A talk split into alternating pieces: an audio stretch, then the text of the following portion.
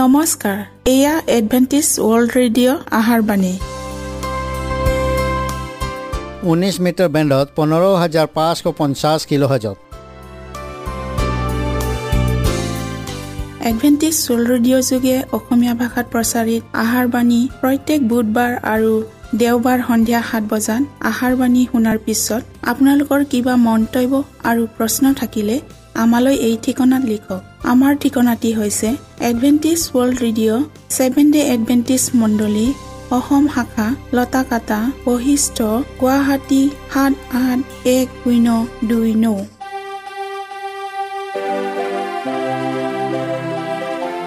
প্ৰিয় শ্ৰোতা বন্ধুসকল এতিয়া শুনো আহক এটি খ্ৰীষ্টীয় ধৰ্মীয় গীত।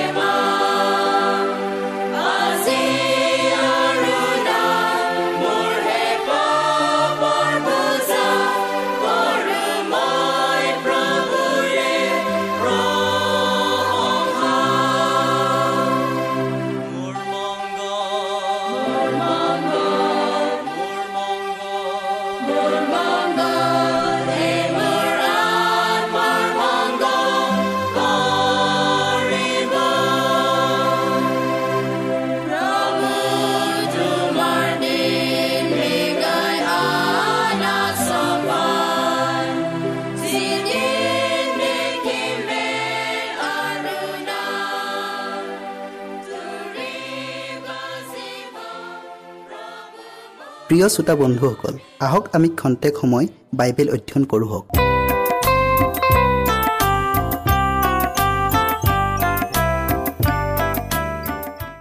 আজি আমি ধৰ্মশাস্ত্ৰই হৈছে আমাৰ ৰক্ষক। ইয়াৰ বিষয়ে আমি আলোচনা কৰোঁ হওক। বাইবেল পত্তি লোৱা হৈছে ইপিচিয়া ছয় অধ্যায়ৰ এঘাৰ পদ। ছয়তানৰ নানাবিধ কুকল্পনাৰ সন্মুখত তীৰে থাকিবলৈ সমৰ্থ হ'বৰ কাৰণে ঈশ্বৰৰ আটাই সাজ পিন্ধা আমি প্ৰাৰ্থনা কৰোঁ হওক। সেই প্ৰেমাময় আৰু আশীৰ্বাদাতা পিতা তোমাৰ চৰণত আকৌ পৰিছোঁ। প্ৰভু এই সুন্দৰ সময় দিয়াৰ বাবে তোমাক ধন্যবাদ দিছোঁ। আজি যি বিশেষ সময়ৰ বাবে আগবঢ়াইছোঁ প্ৰভু এই সময়ত তুমি আমাৰ লগত থাকিবা। আৰু বিশেষ প্ৰয়োজনীয় পবিত্ৰ আত্মা সকলোৰে লগত থাকিবলৈ দিয়া যীশুৰ নামত আমেন। ঈশ্বৰৰ কৰ্মৰ প্ৰতিটো জাগৰণত দুষ্টতাৰ অধিপতিজনে সদায় বিঘিনি আনে। এতিয়া কৃষ্ট আৰু তেওঁৰ অনুসৰণকাৰীসকলৰ বিৰুদ্ধে অন্তিম যুদ্ধত অৱতীৰ্ণ হ'বলৈ সি আটাই প্ৰচেষ্টা হাতত লৈছে। অন্তিম মহা মায়া প্ৰবঞ্চনাৰ দৃশ্য আমাৰ চকুৰ আগত অতি শীঘ্ৰে ভাহি উঠিছে। আমাৰ চকুৰ আগতে খ্ৰীষ্টাৰীয়ে আচৰিত কৰ্ম কৰি দেখুৱাব।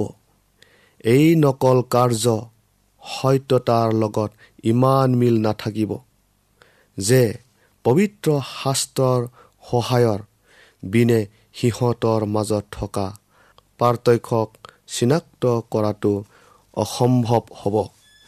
সিহঁতৰ সাহিত্যৰ দ্বাৰাই সিহঁতৰ প্ৰতিটো ভাষা আৰু প্ৰতিটো আচৰিত কৰ্মক পৰীক্ষা কৰিব লাগিব। সেই অন্তিম মহা সংঘৰ্ষত মাজত যিসকলে বাইবেলৰ সত্যতাৰে নিজ মনক সবল কৰি ল'লে তেওঁবিলাকৰ বাদে কোনেও থিয় হৈ থাকিব নোৱাৰিব। প্ৰতিটো জীৱনে পৰীক্ষাৰ সন্মুখীন হ'ব লাগিব। মই মানুহক নে ঈশ্বৰক কাক মনা উচিত? এনেকি সেই প্ৰবঞ্চনাৰ সময় এতিয়া আমাৰ মাজতে চলি আছে? শিলস্বৰূপ ঈশ্বৰৰ অপৰিৱৰ্তনীয় বাক্যৰ ওপৰত আমাৰ ভৰিবোৰ টানকৈ লাগি আছে নে লাগি থকা নাই? ঈশ্বৰৰ বিধান আৰু যীশুখ্ৰীষ্টৰ বিশ্বাস ৰক্ষাৰ্থে দৃঢ়কৈ থিয় হৈ থাকিবলৈ আমি নিজকে প্ৰস্তুত কৰিছোঁ নে কৰা নাই বাৰু? যুক্তিবাদীসকলৰ প্ৰত্যেকজন ব্যক্তিৰ বাবে এইটো প্ৰথম আৰু প্ৰধান কৰ্তব্য যে সত্যনো কি তাক যেন পবিত্ৰ শাস্ত্ৰৰ পৰা শিকি লয়। আৰু তাৰ পাছত পোহৰত চলক আৰু নিজৰ আদৰ্শক অনুসৰণ কৰিবলৈ আনকো উৎসাহিত কৰক। আমি প্ৰতিদিনে পৰিশ্ৰমেৰে আৰু মনোযোগেৰে বাইবেল অধ্যয়ন কৰা উচিত আৰু প্ৰতিটো বিষয়ক চালি জাৰি চাব লাগে আৰু শাস্ত্ৰৰ লগত শাস্ত্ৰ ৰিজাই চাব লাগে। ঐশ্বৰিক সহায়ৰ সৈতে আমি নিজেই এটা মন্তব্য তৈয়াৰ কৰিব লাগে। কাৰণ ঈশ্বৰৰ সন্মুখত আমি নিজেই উত্তৰ দিব লাগিব। যীশুৱে শিষ্যসকলৰ আগত প্ৰতিজ্ঞা কৰিছিল পিতৃয়ে মোৰ নামেৰে যিজনক পঠাব সেই সহায়কৰ্তা অৰ্থাৎ পবিত্ৰ আত্মাই তোমালোকক সকলো কথা শিকাই মই কোৱা আটাই কথা তোমালোকক সোঁৱৰাব। কিন্তু খ্ৰীষ্টাৰ শিক্ষাক আমি আগতে মনত ৰাখি থ'ব লাগিব যাতে সৰ্বনাশৰ সময়ত ঈশ্বৰৰ আত্মাই সেইবোৰক বিষয়ে আপোনাক সোঁৱৰাই দিব পাৰে। প্ৰিয়সকল যেতিয়া সেই পৰীক্ষাৰ সময় আহিব যিবিলাকে ঈশ্বৰৰ বাক্যকে সিহঁতৰ জীৱনৰ নীতি কৰি ল'লে সিহঁত প্ৰকাশিত হ'ব। তাৰণা অহাৰ লগে লগে অৰ্ধ খ্ৰীষ্টানসকল আৰু কটু সমালোচনা প্ৰিয়সকল লুটি বাগৰ দিব আৰু সিহঁতৰ বিশ্বাসক ত্যাগ কৰিব। কিন্তু প্ৰকৃত খ্ৰীষ্টানসকলে শিলৰ দৰে দৃঢ় হৈ থিয় দি থাকিব আৰু ভাল দিনতকৈ এনে দুৰ্দশাৰ দিনতহে সিহঁতৰ বিশ্বাস আৰু অধিক শক্তিশালী হ'ব আৰু সিহঁতৰ আশা অধিক উজ্জ্বল হ'ব। ইব্ৰী এক অধ্যায়ৰ চৈধ্য পদটো আমি আকোবাৰ পঢ়োঁ হওক।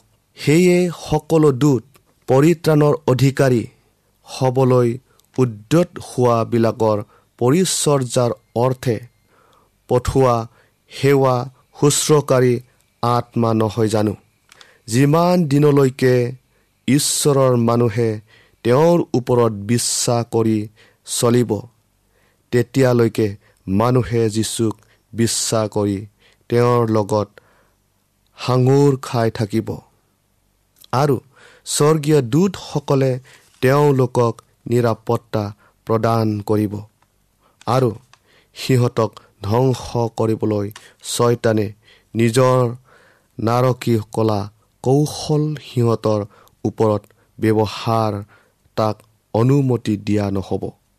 কিন্তু পাপ কৰাৰ দ্বাৰাই যিবিলাকে কৃষ্টৰ পৰা নিজকে পৃথক কৰি লয় তেওঁবিলাক মহাসংকটৰ সন্মুখীন হ'ব। বৰ্তমান ছয়তানে অতি ব্যস্ততাৰে আৰু অতি সক্ৰিয়তাৰে মানুহৰ জীৱনক লৈ খেলা কৰিছে। যাক সি পূৰ্বতে কেতিয়াও কৰা নাছিল। আৰু প্ৰতিক্ষণতে নিজক ৰক্ষণাবেক্ষণ নকৰিলে সি আমাৰ হৃদয়ত তিতাপি ল'ব আৰু গৰ্ব স্বাৰ্থপৰতা জগতৰ প্ৰতি মোহ আৰু তেনেধৰণৰ আন বহুতো অসৎ গুণেৰে আমাৰ হৃদয় ভৰাই পেলাব। সি তাৰ নানা প্ৰকাৰৰ কলা কৌশলেৰে ঈশ্বৰৰ ওপৰত আৰু তেওঁৰ সত্য বাক্যৰ ওপৰত থকা আমাৰ বিশ্বাসক অস্থিৰ কৰি তুলিব। ঈশ্বৰৰ বিষয়সমূহত আমাৰ যদি গভীৰ অভিজ্ঞতা নাথাকে তেওঁৰ বাক্যৰ বিষয়ে যদি আমাৰ সম্পূৰ্ণ জ্ঞান নাথাকে। তেন্তে ভুল আৰু শত্ৰুৰ অত্যাধুনিক কৌশলৰ দ্বাৰা আমি প্ৰতাৰিত হ'ম আৰু এইদৰে আমাৰ জীৱন ধ্বংস হ'ব। ভুল অসত্য তত্বই বহুতৰে বিশ্বাসৰ ভেটিক দুৰ্বল কৰি পেলাব। কাৰণ ভুলৰ মাজত সত্যতাক চিনিবলৈ বুজিবলৈ সিহঁতে নিশিকিলে। ছয়তানৰ বৰ্বৰতাৰ পৰা নিজকে ৰক্ষা কৰাৰ একমাত্ৰ পথ হৈছে মনোযোগিতাৰে শাস্ত্ৰ বাক্য অধ্যয়ন কৰা। ইয়াকে কৰিলে আমি কিয় বিশ্বাস কৰিলোঁ? তাৰ কাৰণৰ বিষয়ে আমাৰ বুদ্ধিদীপ্ত জ্ঞান থাকিব। আৰু নিজ কৰ্তব্যক বিশ্বস্ততাৰে পালন কৰিব পাৰিম।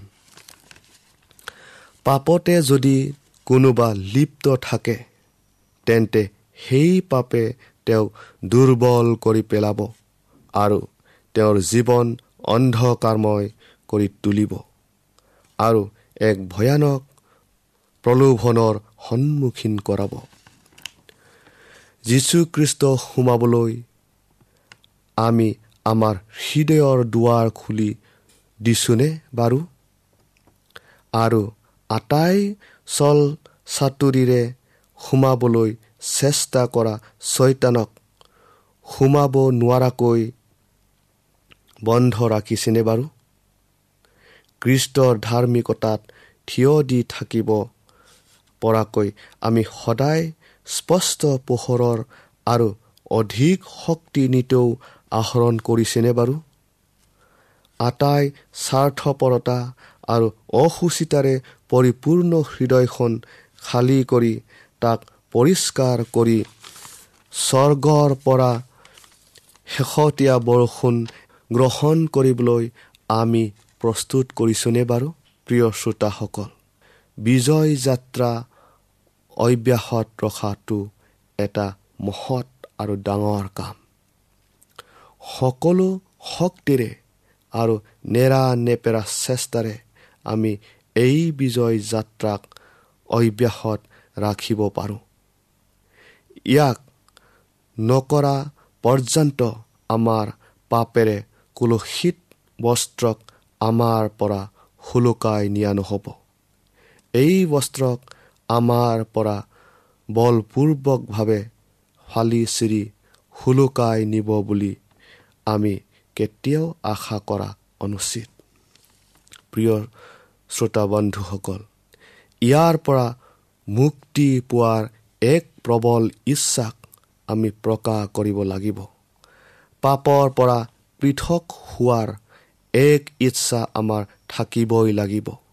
কৃষ্টৰ তেজৰ শক্তিৰ ওপৰত ভৰসা থাকিব লাগিব আৰু তাৰ পাছত সংঘৰ্ষৰ দিনত যেতিয়া ছয়তানে আমাৰ ওপৰত হেঁচা দিব তেতিয়া স্বৰ্গৰ দূতগণৰ লগত একেলগে যাত্ৰা কৰিব পাম। ঈশ্বৰে আপোনালোকক আশীৰ্বাদ কৰক।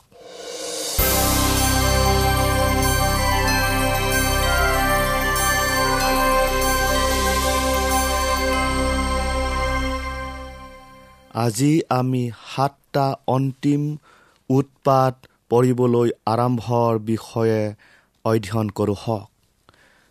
শাস্ত্ৰ পদ লোৱা হৈছে প্ৰকাশিত বাক্যৰ ষোল্ল অধ্যায়ৰ এক পদ। পাছে মন্দিৰৰ পৰা সেই সাতজন দূত কোৱা এই মহাবাণী শুনিলোঁ। তোমালোকে গৈ ঈশ্বৰৰ ক্ৰোধৰ সেই সাতোটা বাতি পৃথিৱীত বাকি দিয়া। বিষয়টিৰ আগবঢ়োৱাৰ আগতে আমি প্ৰাৰ্থনা কৰোঁ হওক। সেই সৰ্বশক্তিমান প্ৰভু পুনৰাই আজি তোমাৰ বাক্য শুনিবলৈ এই সুযোগ দিলা তাৰ বাবে তোমাক ধন্যবাদ জনাইছোঁ। প্ৰভু আমি আজি বিশেষ বিষয় সাতটা অন্তিম উৎপাদৰ বিষয়লৈ অধ্যয়ন কৰিবলৈ আগবঢ়াইছোঁ। তুমি আমাক জ্ঞান আৰু বুদ্ধি দান কৰা পবিত্ৰ আত্মা সকলো শ্ৰোতাৰ ওপৰত দান কৰা। যীশুৰ নামত খুজিলোঁ। আমেন।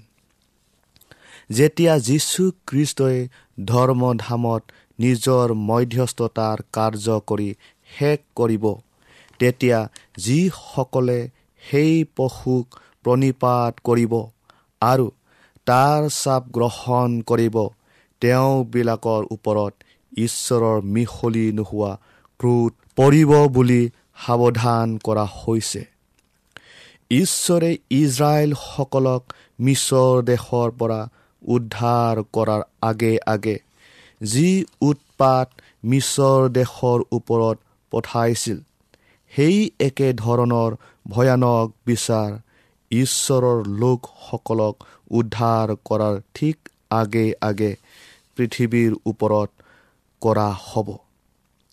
সেই ভয়ানক ক্লেদায়ক বিষম ঘাৰ বিষয়ে বৰ্ণনা দিবলৈ গৈ প্ৰকাশকজনে এইদৰে কৈছে তাতে সেই পশুৰ চাপ থকা আৰু তাৰ প্ৰতিমূৰ্তিক প্ৰণিপাত কৰা মানুহবিলাকৰ গাত ক্লেদায়ক বিষম ঘাঁহ হ'ল। সাগৰ মৃত্যু লোকৰ তেজৰ নিচিনা হ'ল আৰু আটাই জীয়া প্ৰাণী অৰ্থাৎ সাগৰত থকা সকলোৱে মৰিল। নদী আৰু ভুমুকবোৰৰ পানীও তেজ হৈ গ'ল। এই শাস্তিবোৰ যিমানেই ভয়াৱহ নহওক কিয় তথাপিও ঈশ্বৰৰ ন্যায় প্ৰণায়তা জিলিকি থাকে। ঈশ্বৰৰ দূতগণে তেওঁক এইদৰে বকানিছে সেই সৰ্বশক্তিমান প্ৰভু পৰমেশ্বৰ তোমাৰ বিচাৰ আজ্ঞাবোৰ সত্য আৰু ন্যায়। ঈশ্বৰৰ লোকসকলক মৃত্যু দণ্ডেৰে দণ্ডিত কৰি সিহঁতে নিজ হাতেৰে তেওঁবিলাকৰ ৰক্তপাত কৰিলে। যি উৎপাত চলিব তাৰ ফলত সূৰ্যটোক এনে শক্তি প্ৰদান কৰিলে যাৰ তাপ অতি তীৰ্ব আৰু প্ৰকৰ হ'ব। আৰু মানুহবিলাকে ইয়াৰ তাপেৰে তাপিত হ'ব। সিহঁতৰ গাৰ ছাল পুৰি যাব। এইবোৰ উৎপাত বিশ্বজুৰি নহ'ব। নাইবা পৃথিৱী নিবাসীসকল সম্পূৰ্ণভাৱে বিচ্ছিন্ন নহ'ব। তথাপি এয়া এনে ভয়াৱহ শাস্তি যাৰ বিষয়ে সৰ্ববাসীয়ে কেতিয়াও জনা নাই। অনুগ্ৰহৰ সময় অন্ত পৰাৰ আগৰ যিমানবোৰ বিচাৰ মানুহৰ ওপৰত পৰিব সেই সকলোবোৰ কৰোণা মিশ্ৰিত শাস্তি। তেওঁবিলাকৰ অপৰাধৰ বাবে পাবলগীয়া সম্পূৰ্ণ শাস্তিক কৃষ্টৰ তেজে পাপীসকলৰ বাবে নিবেদন কৰা প্ৰাৰ্থনাই ঢাল হিচাপে থাকি নোপোৱাকৈ ৰাখিছে। অৰ্থাৎ কৃষ্টৰ তেজৰ গুণত তেওঁবিলাকে এতিয়া পূৰ্ণ শাস্তি পোৱা নাই। কিন্তু শেষ বিচাৰত কৰোণাবিহীন আৰু মিহলি নোহোৱা ক্ৰোধ মানুহৰ ওপৰত পৰিব। ঈশ্বৰৰ ক্ৰোধ অতি সোনকালে পৃথিৱীৰ ওপৰত পৰিব আৰু যেতিয়া তেওঁ বিধান উলংঘনকাৰী সকলক শাস্তি দিবলৈ আৰম্ভ কৰিব। তেতিয়া শেষ নকৰালৈকে কাকো ৰেহাই দিয়া নহ'ব। জিৰণি লোৱাও নহ'ব। ঈশ্বৰৰ ক্ৰোধৰ ধুমুহা সঞ্চিত হৈ আছে। আৰু এই ধুমুহাৰ মাজত মাত্ৰ সেইসকল লোকেহে থিয় হৈ থাকিব পাৰিব। যিসকলে ঈশ্বৰৰ প্ৰেমত সত্যতাৰ যোগেদি পবিত্ৰকৃত হ'ল সৰ্বনাশৰ সময় পাৰ হৈ নোযোৱালৈকে তেওঁবিলাকে কৃষ্টৰ সৈতে ঈশ্বৰত লুকাই থাকিব। প্ৰকাশিত বাক্য তেৰ অধ্যায়ৰ পোন্ধৰ পদটো আমি আকৌ পঢ়োঁ হওক সেই পশুৰ সেই প্ৰতিমূৰ্তিয়ে যেন কথা ক'ব পাৰে আৰু যিমান লোকে সেই পশুৰ প্ৰতিমূৰ্তিক প্ৰণিপাত নকৰিব তেওঁবিলাকক যেন বধ কৰাব পাৰে। এইকাৰণে পশুৰ প্ৰতিমূৰ্তিক প্ৰাণবায়ু দিবৰ ক্ষমতা তাক দিয়া হ'ল। যেতিয়া যীশুখ্ৰীষ্ট অতি পবিত্ৰ স্থান ত্যাগ কৰিব তেতিয়া শাসনকৰ্তা আৰু লোকসমূহক নিয়ন্ত্ৰণ কৰা আত্মাৰ শক্তিক আঁতৰাই অনা হ'ব। তেওঁবিলাকক দুষ্ট আত্মাবোৰৰ দ্বাৰা নিয়ন্ত্ৰিত হ'বলৈ এৰি দিয়া হ'ব। তেতিয়া ছয়তানৰ নিৰ্দেশত পৰামৰ্শ সভাৰ দ্বাৰা এনে কিছুমান আইন কানুন বনোৱা হ'ব যে ইয়াৰ বাবে সময় যদি কম নকৰা হ'লে কোনো প্ৰাণী বাচি থাকিব নোৱাৰিলেহেঁতেন। ধৰ্মধামত যীশুখ্ৰীষ্টই নিজৰ কাৰ্য সম্পূৰ্ণ কৰি নথোৱা মানে চাৰিজন স্বৰ্গদূতে চাৰি বায়ুক ধৰি ৰাখিব। আৰু তাৰ পাছতহে সেই সাতটা শেষ উৎপাত আহিব। এই উৎপাতৰ বাবে দুষ্টসকলে ধাৰ্মিকসকলৰ ওপৰত খং কৰিব। সিহঁতে ভাবিব যে এই ধাৰ্মিকসকলৰ বাবে ঈশ্বৰে এনে মহাক্লে পৃথিৱীৰ ওপৰত পৰিবলৈ দিছে। আৰু যদি এওঁবিলাকক পৃথিৱীৰ পৰা উচ্ছন্ন কৰিব পৰা যায় তেন্তে এই উৎপাতবোৰো অন্ত পৰিব। এই ধাৰ্মিক সাধুসকলক হত্যা কৰিবলৈ এটা আদেশ জাৰি কৰা হ'ব। যাৰ বাবে এই সাধুসকলে ইয়াৰ ধাৰা উদ্ধাৰ পাবলৈ দিনে ৰাতি ক্ৰদন কৰিব লাগিব। এয়া জাকোবৰ মহাক্লেশৰ লেখীয়া হ'ব। পৃথিৱীত বৰমূৰীয়া আৰু চলাওঁতাসকলে একেলগে বহি আলোচনাত ব্যস্ত থাকিব আৰু ছয়তান আৰু তাৰ দূতসকলো সিহঁতৰ চাৰিওফালে বহি বৰ ব্যস্ত হ'ব। বিধান পালনকাৰীসকলক মৃত্যুদণ্ডৰে দণ্ডিত কৰিব পৰাকৈ যদিও এক সাৰ্বজনীন আদেশ জাৰি কৰা হ'ব তেওঁবিলাকৰ শত্ৰুবোৰে যদিও এই আদেশ কাৰ্যকাৰী কৰি তেওঁবিলাকৰ জীৱন ল'বলৈ চেষ্টা কৰিব। তথাপিও প্ৰতিজন বিশ্বাসীৰ জীৱনৰ চাৰিওফালে পহৰা দি থকা শক্তিমন্ত ৰক্ষাৰ বেহুক ভেদ কৰিবলৈ সিহঁত সমৰ্থন হ'ব নগৰ আৰু গাঁৱৰ পৰা পলাওঁতে কিছুমানক শত্ৰুবোৰে আক্ৰমণ কৰিব কিন্তু সিহঁতৰ তৰোৱালবোৰ সিহঁতৰ নিজৰ বিৰুদ্ধেই উঠিব আৰু সিহঁত শুকান নৰাৰ দৰে দুৰ্বল হৈ পৰিব।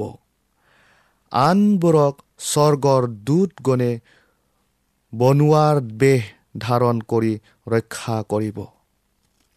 প্ৰিয় শ্ৰোতা বন্ধুসকল লোকসমূহে যদি দিব্য দৃষ্টি লাভ কৰিলেহেঁতেন তেন্তে যিসকলে কৃষ্টৰ ধৈৰ্যতাৰ বচনসমূহক পালন কৰে তেওঁবিলাকৰ চাৰিওফালে চাৱনি পাতি থকা শক্তি শক্তিশালী স্বৰ্গদূতগণক দেখা পালেহেঁতেন।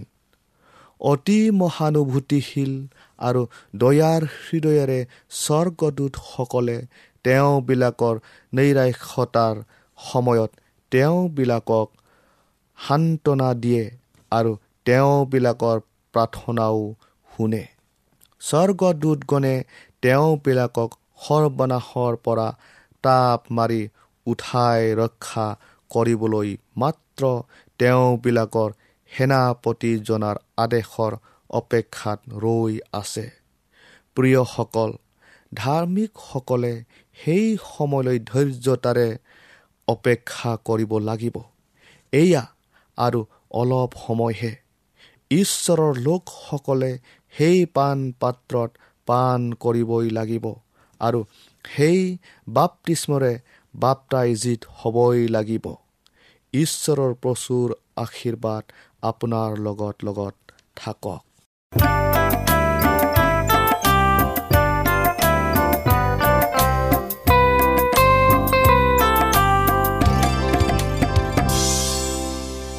মনত ৰাখিব আমাৰ ঠিকনাটি পুনৰ কৈ দিছোঁ।